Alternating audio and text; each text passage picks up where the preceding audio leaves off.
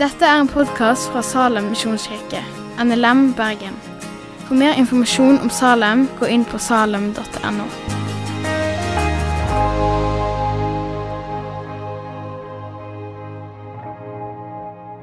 Takk, Jesus, for eh, gavene som nettopp ble samlet inn. Jeg ber Jesus om at du må eh, velsigne hver en krone, sånn at de kan nå langt i ditt arbeid. Og så ser du her, Jesus, at her står jeg med Erika som skal tale i kveld. Jeg ber Jesus om at du må gi henne det hun trenger. Jeg ber om at du må gi henne din fred og dine ord, Jesus, og eh, tale ditt ord til oss.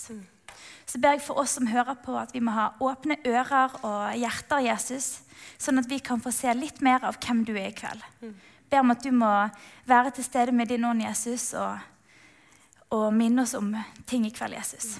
Så legger jeg de neste minuttene i dine hender. I ditt navn. Amen. Vær så god. Ja, du, Det er veldig hyggelig å få komme her til Salem. Jeg storkoste meg her i Bergen. altså. Det kom til pøsregn i går og sol i dag. Eh, så det er nydelig. Jeg har fått vært på Løvstakken og blitt guida rundt. Ja, ja. Så det er bare storveis å få lov til å komme her i kveld. Jeg har vært innom Salen mange ganger. Eh, og som Eirin sa, skulle ha talt her noen ganger, men så var vi bort borti en sånn pandemi. Så da fikk jeg lov til å komme i dag, og det syns jeg er veldig veldig kjekt. Til vanlig så kan jeg bare si at jeg eh, jobber i Misjonssambandet Ung. Og så studerer jeg litt på sida av den type ting, men jeg er egentlig utdanna lærer. Så jeg gjør litt sånn andre ting før jeg kanskje skal ut i læreryrket igjen. Så det er sånn kort kort om meg, og jeg bor òg i Oslo. Så det liksom, har valgt kanskje litt feil by der, men eh, jeg trives iallfall veldig godt. Greit. Men i dag skal jeg tale over søndagens tekst. Og det er litt store ting som blir tatt opp i søndagens tekst. Det er Jesu ord, rene ord, som vi skal lese. Eh, og det er en bønn han ber, faktisk. Eh, og det kalles for den ypperste prestlige bønnen i Bibelen. Men òg i overskriften over søndagens tekster så står det 'Jesus som ber for sine'. Men jeg vet ikke om du er et nysgjerrig menneske. Jeg er i hvert fall noen venner som er veldig nysgjerrig, som kan spørre om veldig mange ting. Og jeg tror jeg er et nysgjerrig menneske sjøl, men ser min begrensning på når jeg trenger å vite nok om andre. Men hadde det ikke av og til vært ufattelig gøy og vært liksom sånn flua på veggen til noen menneskers liv. Eller vært med liksom inn i et sånn top secret møte blant sånne store ledere som slutter fred, eller krig som avsluttes, eller der store avgjørelser blir tatt. Eller at du har kommet på innsida av hodet til den litt crazy vennen din som du aldri helt skjønner deg på hvorfor en gjør så mange rare ting. Eller at du noen gang kunne fått innsikt i hva det er som faktisk beveges i himmelrommet når jeg ber en bønn. Og når Jesus og Gud liksom diskuterer litt sånn, ah, hvordan skal vi svare på dette her? Hvordan skal vi gripe inn i dette her? Jeg vet ikke om det bare er jeg som er litt sånn nysgjerrig, men i dag så tror jeg faktisk vi skal få se litt om hva som rører seg i Guds hjerte. Ehm, fordi vi får se på hvordan Jesus ber for sine. Og Jeg går på et studie som sjelesorg, og der sier de dette. Det er få ting som avslører et gudsbilde som ens eget bønneliv. Hvem du går til, hva du ber om, hvem du ber til, og hva du våger å legge fram.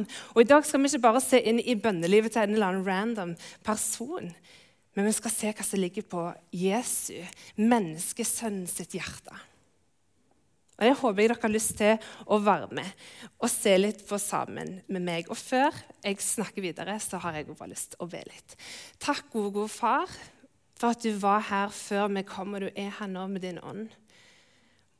Må disse minuttene her være dine ord.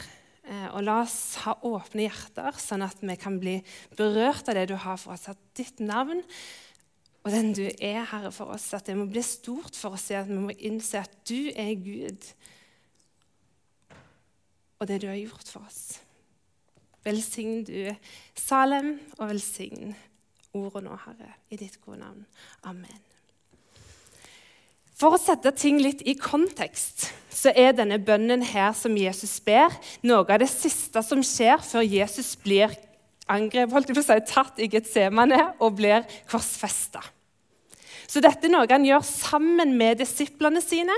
Og For å liksom si noe av de tingene som Jesus har snakket om med disiplene på forhånd, så har de vært og hatt nattverd sammen. Judas han har gått og forrådt Jesus. Eh, Jesus han forutsier at Peter, du kommer til å svikte meg. Han har snakket om sin bortgang. Og han trøster disiplene sine og har tro på Gud og har tro på meg. Sett deres lit til meg. Og Jesus proklamerer òg at jeg er veien, sannheten og livet, og ingen kommer til far uten gjennom meg.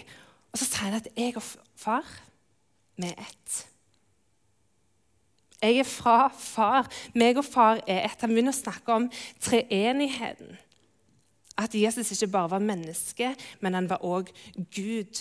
Og så gir han dem et løfte om en talsmann, sannhetens ånd, som skal komme til hver en som sier ja til Jesus. Og at det er en ånd som ikke verden vil få, for de ikke kjenner Jesus. Men at de som sier ja til Jesus, vil få del i denne ånden. Fordi vi får kjenne han, disiplene kjenner Jesus. Og så sier han at 'jeg skal ikke forlate dere farløse'. Jeg er en trofast Gud, så selv om jeg har gått her i menneskeform nå, så kommer jeg til å forlate dere, men jeg forlater dere ikke farløse.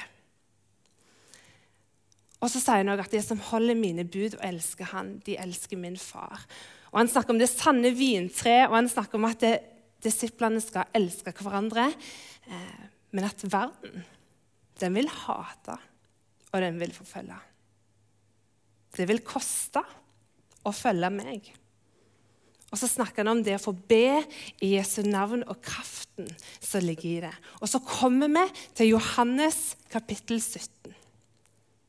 Og Der står det overskrifter 'Jesu ypperste prestelige bønn'. Han som går i forbønn for meg og deg, for sine elskede. Han går ikke bare i forbønn, men han går også i forsoning. Ikke fordi han måtte, ikke fordi han ble tvungen, men fordi han elska. Og Det er kanskje sånne ord vi mange ganger hører, men av og til hvis vi lar det synke inn Gud gjorde det ikke fordi han måtte, ikke fordi han ble tvungen, men fordi han elska meg og deg. Og Vi skal lese nå i Jesu navn fra kapittel 17. Og så har jeg faktisk vært litt frimodig og tatt med litt ekstra bibeltekst. Så jeg har bare lyst til at vi skal få med starten, for egentlig så er det vers 6-11. Men jeg har lyst til at vi skal få med starten av selve bønnen som Jesus ber. Da Jesus hadde sagt dette, løftet han blikket mot himmelen og sa, Far, timen er kommet. Jeg har lyst til å si, Det er mange ganger vi ser i evangeliet at jeg sier min time er ikke kommet ennå. Ikke ennå. Men nå er timen kommet. Herliggjør din sønn, så sønnen kan herliggjøre deg. For du har gitt ham makt over alle mennesker for at han skal gi evig liv til alle som du har gitt ham. Og dette er det evige liv, at de kjenner deg, den eneste sanne Gud, og Han du har sendt, Jesus Kristus. Jeg herliggjorde deg på jorden da jeg fullførte den gjerning du ga meg å gjøre. Far, gi meg nå din herlighet, den herligheten som jeg hadde hos deg før verden ble til. Jeg har åpenbart ditt navn for de mennesker du ga, ga meg fra verden. De var dine, og du ga dem til meg, og de har holdt fast på ditt ord. Nå vet de at alt som du har gitt meg, er fra deg. For jeg har gitt dem de ord du ga meg, og de har tatt imot dem. Nå vet de i sannhet at jeg har gått ut fra deg, og de har trodd at du har sendt meg. Jeg ber for dem. Jeg ber ikke for verden, men jeg ber for, dem du har gitt meg, for de er dine. Alt mitt er ditt, og det som er ditt, er mitt, og jeg er blitt herliggjort gjennom dem. Jeg blir ikke lenger i verden, men de er i verden. Og jeg går til deg, Hellige Far, bevar dem i ditt navn, det navnet du har gitt meg, så de kan være ett, slik som vi er ett.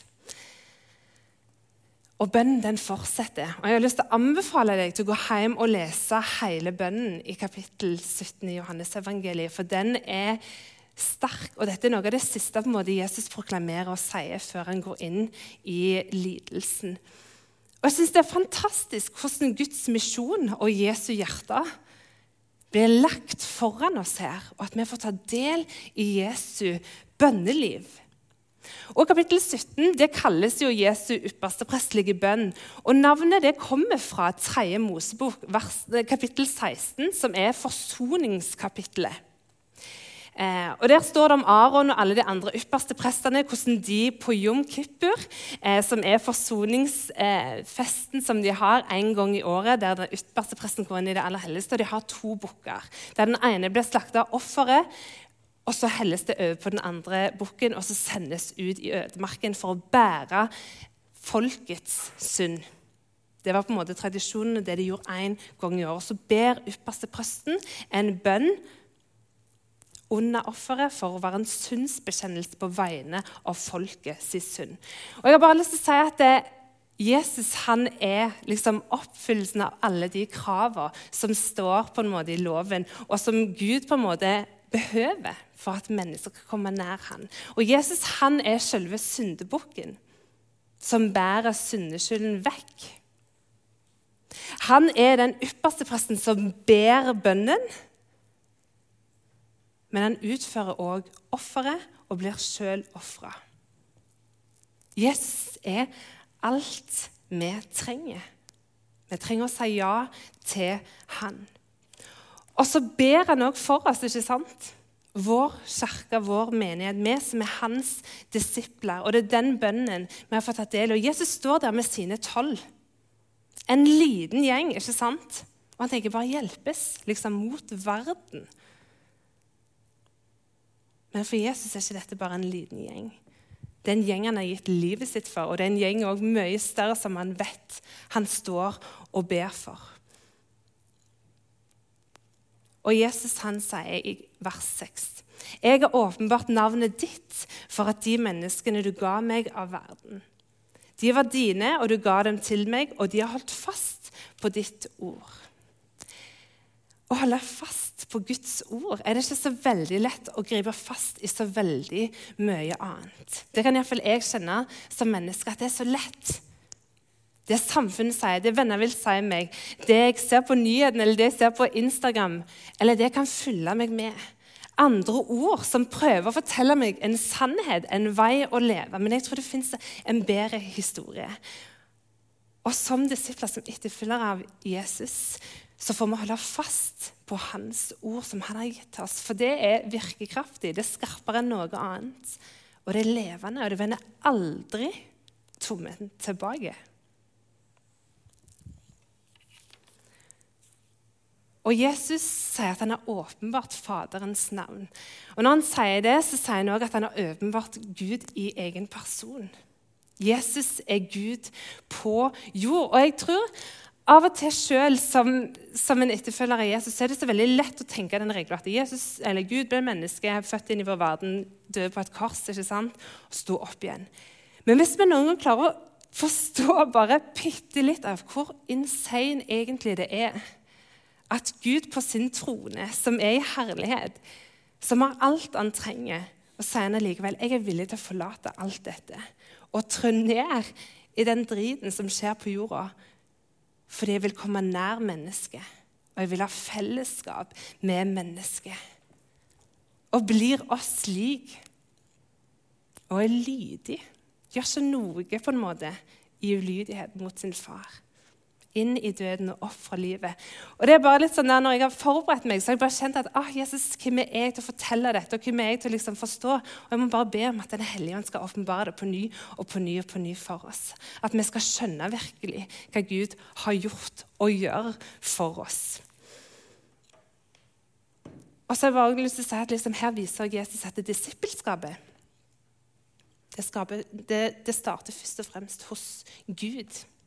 Det er ikke det at vi tar et initiativ, at vi eh, finner ut at liksom, ja, Gud er lur å følge. Nei. Jesus har kommet og åpenbart det for oss, og han har gitt oss til Jesus. Som Jesus så når han gikk og kalte sine disipler og så Nathanael, Nathanael er en av de han kaller, og sa Nathanael, jeg så deg før du så meg. Du er en sann israelitt, sier han. Jesus og Gud er alltid de som tar første initiativet. Det er ikke noe vi finner på enn vi tenker er lurt. Men det er han, og det er han som skal få lov til å skape tro i våre hjerter. Og jeg tror det Jesus også ber om her, er at Kirka skal få lov til å holde seg nær til Guds ord. At det er det som skal få gi liv, retning eh, og være fundamentet til Kirka. At det ikke skal bli tatt av alle vinner, alle kulturer, eh, all popularitet. Og videre så står det i vers 7. Nå vet de at alt du har gitt meg, er fra deg. Nå vet de det. Jeg har gått sammen med dem i tre år, og de har fått lært meg å kjenne. Og de ordene som du ga meg, har jeg gitt dem. Og de har tatt imot dem og kjent i sannhet at jeg er utgått fra deg. Og de har trodd at du har utsendt meg. Og Her sier Jesus også noe som er så tydelig, at som disipler av Jesus så skjønner òg en at det er den vesenheten, eller treenighetslæren og tonaturslæren, det at Jesus er sant menneske og sant Gud. At Jesus er fra Gud og kom ned på jorda. At det er helt avgjørende for at disiplene òg skal få ta del i evangeliet, del i frelsen. Så disiplenes tro trekkes inn i treenighetslæren. Og Derfor sier han også at det er viktig at dere skjønner at jeg er Guds sønn. Og Det er kanskje litt sånn, synes jeg av og til litt vanskelig å forstå. Det er kanskje Treenigheten kanskje noe av det som er som vanskeligst å gripe. Gud, Jesus og Den hellige ånd, tre i én. Men det er ingen andre religioner som har det på den måten der. At Gud er én, men tre samtidig. At vi er avhengige av alle tre for at vi skal ha kjennskap til Gud, og at han kom nær, og han oppfylte òg alle krav gjennom å være en Gud som kom nær.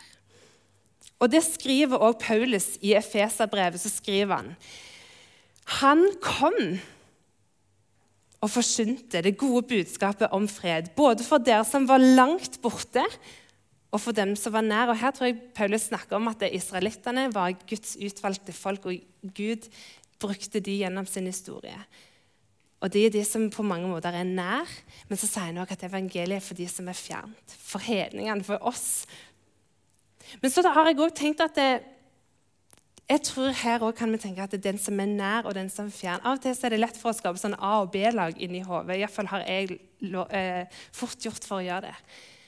At vi som er kristne og liksom, ah, lever et greit liv, liksom har ikke brutt noen lover som jeg sånn, vet om, eller sittet i fengsel eller gjort noe greier. Jeg liksom sånn, ja, men jeg, jeg trenger jo nåden, men det er sånn akkurat.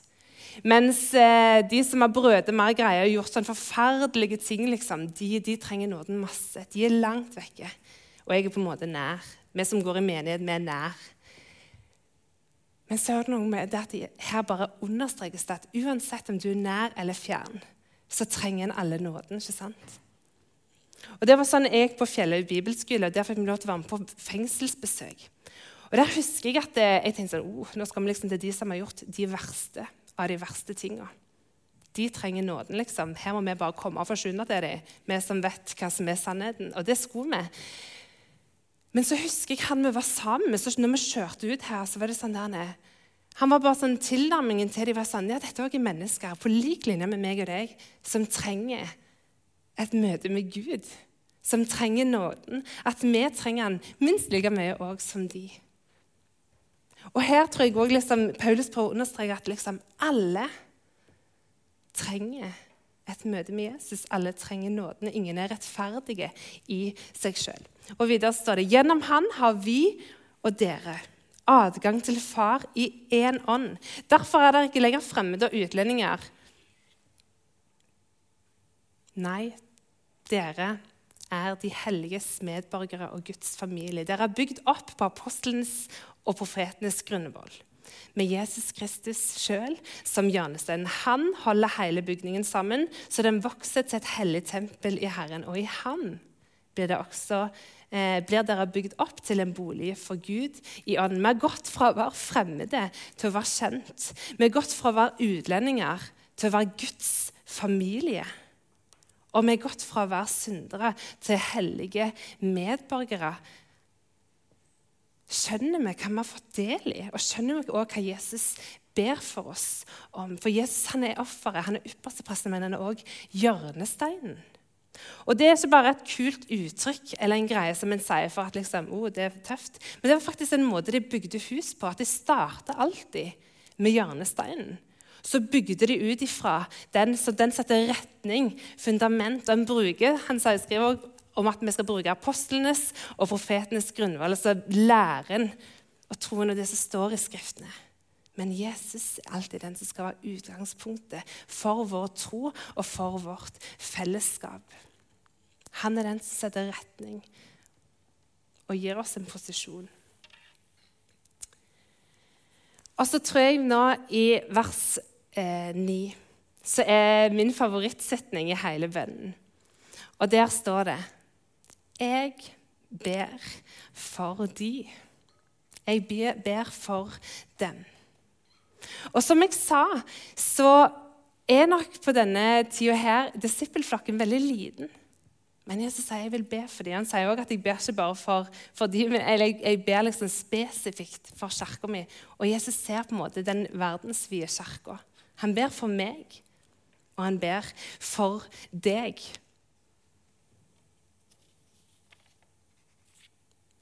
Og tenk at du og jeg får lov til å være innlemma i Jesu bønn. Tenk at han har gått i forbønn for oss. At vi både får innsikt i bønnelivet hans, men òg at vi er en del av det. Og så er det vet jeg at iallfall jeg har veldig lett for å slenge ut en sånn 'Å, jeg skal være med og be for deg'. Og så er det mange ganger av og til jeg kan glemme det, og så ser også Gud det. Um, men Jesus han viser og demonstrerer at jeg, jeg sier ikke bare at jeg ber for dere, men han sier jeg ber for dem. Og jeg ber, jeg ber spesielt for kirka mi nå. Og jeg bare lyst til å si at det, det, betyr ikke at Jesus sier at jeg ber aldri for verden, eller jeg bryr meg ikke om verden. Men måten det står på at det er ikke verden, men jeg ber for disiplene mine, så står det først og fremst ikke verden. Men jeg ber om at mine skal bli bevart. Og han ber om at meg og deg skal bli bevart i han. Og så sier han òg alt mitt er ditt. Og alt ditt er mitt. Og jeg er herliggjort i de. Og Luther skal ha kommentert dette verset her. Eh, fordi Som menneske så er det fort at vi kan si liksom, alt mitt er ditt, Gud. Du har alt, sant? Men ingen andre enn én en person som ikke er skapt, kan òg si at Gud, alt ditt er òg mitt. En som er på lik linje med Gud. Han som var før verden ble skapt, som òg leste i bønnen. Han kan òg si at Gud, alt det som du hersker over, det er mitt. Og så står det også at han er blitt herliggjort gjennom disiplene med at de tror han. Gjennom det Jesus kom med, det er sannhet. De har fått sett at han ikke bare er et menneske, han er ikke bare en profet. Han er ikke bare en annen eh, lærd som, som, hadde disipler. Nei, han var sann Gud og sant menneske. Og herlighetsbegrepet det er noe som går gjennom Bibelen, men òg her. Så kan jeg si at herlighet, herlighet vil si om det liksom herlige lyset som kun Gud kan være i. Lysglansen som Gud bor i. Og det at Jesus skal herliggjøres, vil si at han egentlig sier at jeg skal snart opp i herligheten til Gud. Og I Filippane 2, 6-7 så står det at han var i Guds skikkelse. Og så er det ikke som et rov å være Gud lik. Altså han, Jesus er på lik linje. Han er sammen med Gud, og han har ikke stjålet til seg noe guddommelighet. Men han ga avkall på det, på sitt eget, og tok på seg en tjeners skikkelse og ble menneskelik og var lydig inntil døden. Og blir bare sånn wow. Jeg, jeg, av og til så blir jeg sånn, jeg klarer ikke å ta inn over meg Gud, hva du faktisk har gjort for meg. Men nå har han gått inn i tjenerskikkelsen, og han har gjort det han skal gjøre, og nå skal han bli herliggjort, herliggjort igjen. På korset, når han står opp, og når han skal fare opp til far. Og da blir han òg herliggjort og disiplene, og vi har fått tatt imot det. Og dette er et lys som vi mennesker aldri kan komme inn i uten at vi står ikledd Jesus, og at vi, hans liv omslutter rundt oss. Og Derfor trenger òg vi som disipler daglig synsbekjennelse og tilgivelse. Og at det er en del og en rytme av våre liv. At selv om vi er rettferdiggjort, så trenger vi også helliggjørelsen. Og i den prosessen stadig komme fram for Gud og si at Gud, du er Gud, og jeg er menneske. Jeg trenger å komme fram for deg og si at jeg fikser ikke livet. Og disse tingene her som du vet, ta de, Gud. Og så, når jeg hører liksom ordet 'alt mitt er ditt' så er det veldig fort i hvert fall mine tanker at et vers fra en annen historie, fra Lukas, kommer. Der den bortkomne sønnen har vært borte, kommer tilbake igjen, det stilles i stand fest. Så er det en sønn som også har vært hjemme, eh, og som blir skikkelig bitter. Irritert på at en annen sønn får komme igjen, og gjøkalven blir slakta. Liksom. Her er det full fest, og jeg har gått her hjemme og tjent deg i alle år. Og så har jeg ikke engang fått hatt en fest i lag med vennene mine. Og så sier faren til han, 'Barnet mitt, du er alltid hos meg, og alt mitt er ditt.' Og Jeg har bare lyst å si til oss som er her i dag Hvis, hvis du har gått med Jesus lenge, eh, kanskje hele livet, tatt imot han og lever nær til han, så har jeg bare lyst til å si at det er noe han sier til meg og deg i dag òg. At alt mitt er ditt. Troen er en gave men han har gitt òg alt annet i et tillegg. Vi er hjemme hos far, vi tjener han, og det er frihet i det. Det er ikke bare masse oppgaver i en menighet eller masse ting en skal få til eller prestere på. Men han sier at alt mitt er ditt. Kom og ta del i det.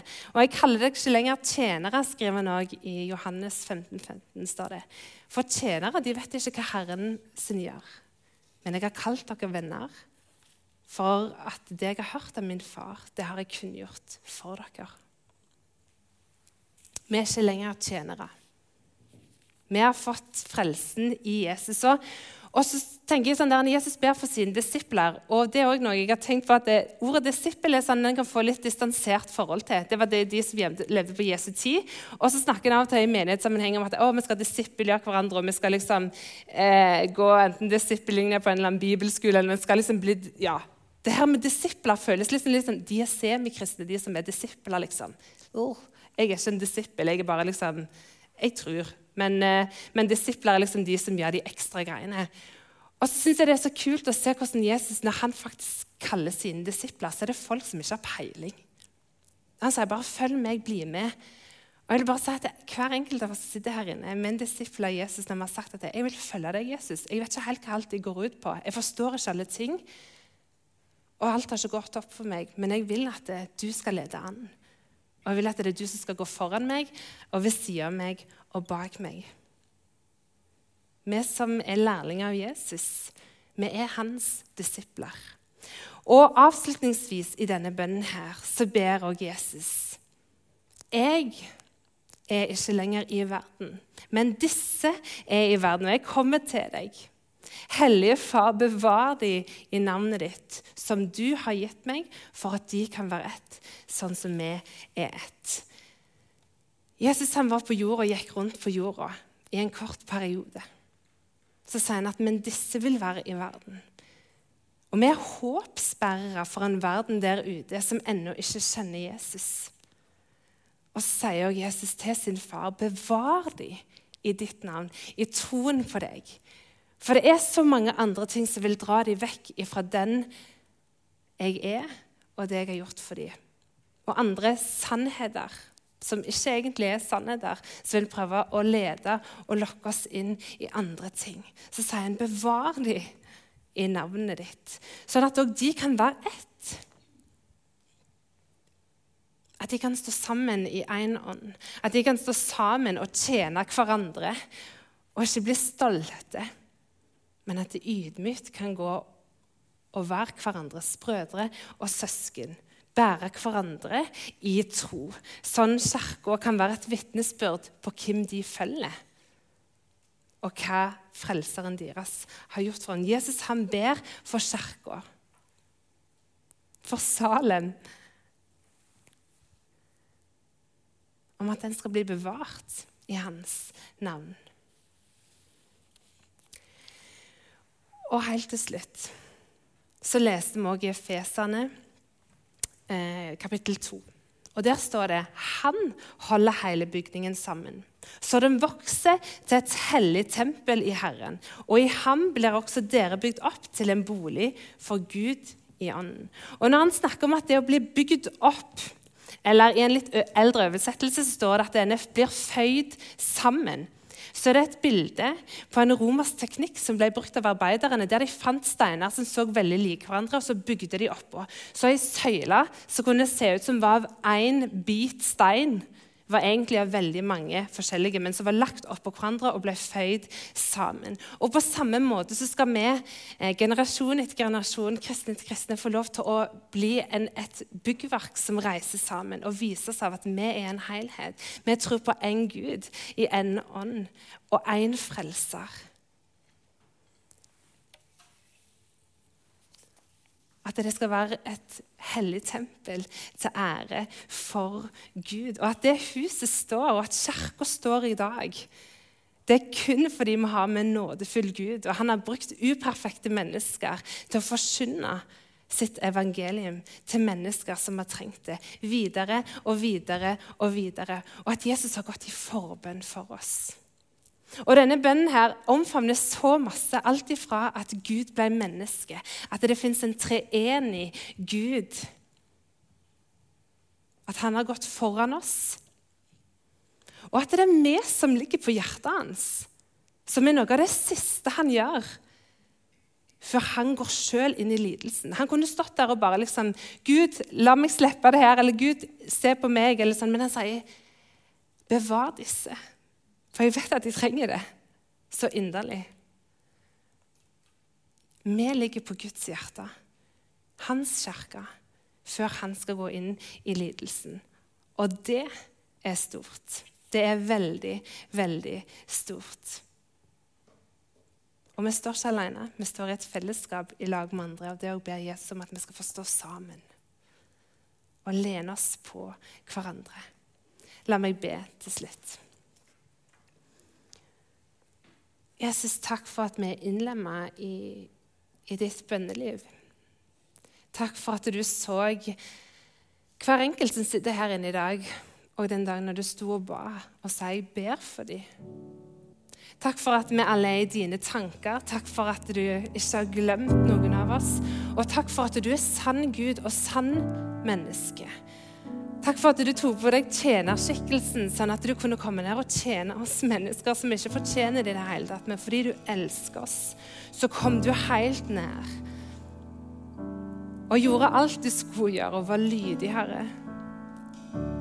Helt inn i døden og tok på deg det som egentlig vi fortjener. Takk, Herre, og la oss få innse og igjen få se hvor stort det er det du har gjort for oss, og at vi kan få bære det videre i én ånd, i fellesskap, ut i denne verden her som det stormer i. Og Herre, må du fortsette å gå i forbønn for oss og bære oss, Herre. Jeg ber òg for Salem, Bergen, Salem Ung, Herre. Må du utruste dem må de få skjønne sannheten og holde seg nær til ditt ord. Eh, og se at de har med en Gud ja, som er levende, som er trofaste, som er sannheten, som er veien. Velsign du Salem Jesus i ditt gode, allmektige navn. Amen. Takk for at du har hørt på podkasten fra Salem, Bergen. I Salem vil vi vinne, bevare, utruste og sende til Guds ære. Vi ønsker å se mennesker finne fellesskap, møte Jesus og bli disippelgjort her i Bergen og i resten av verden. Vil du vite mer om oss, gå inn på salem.no.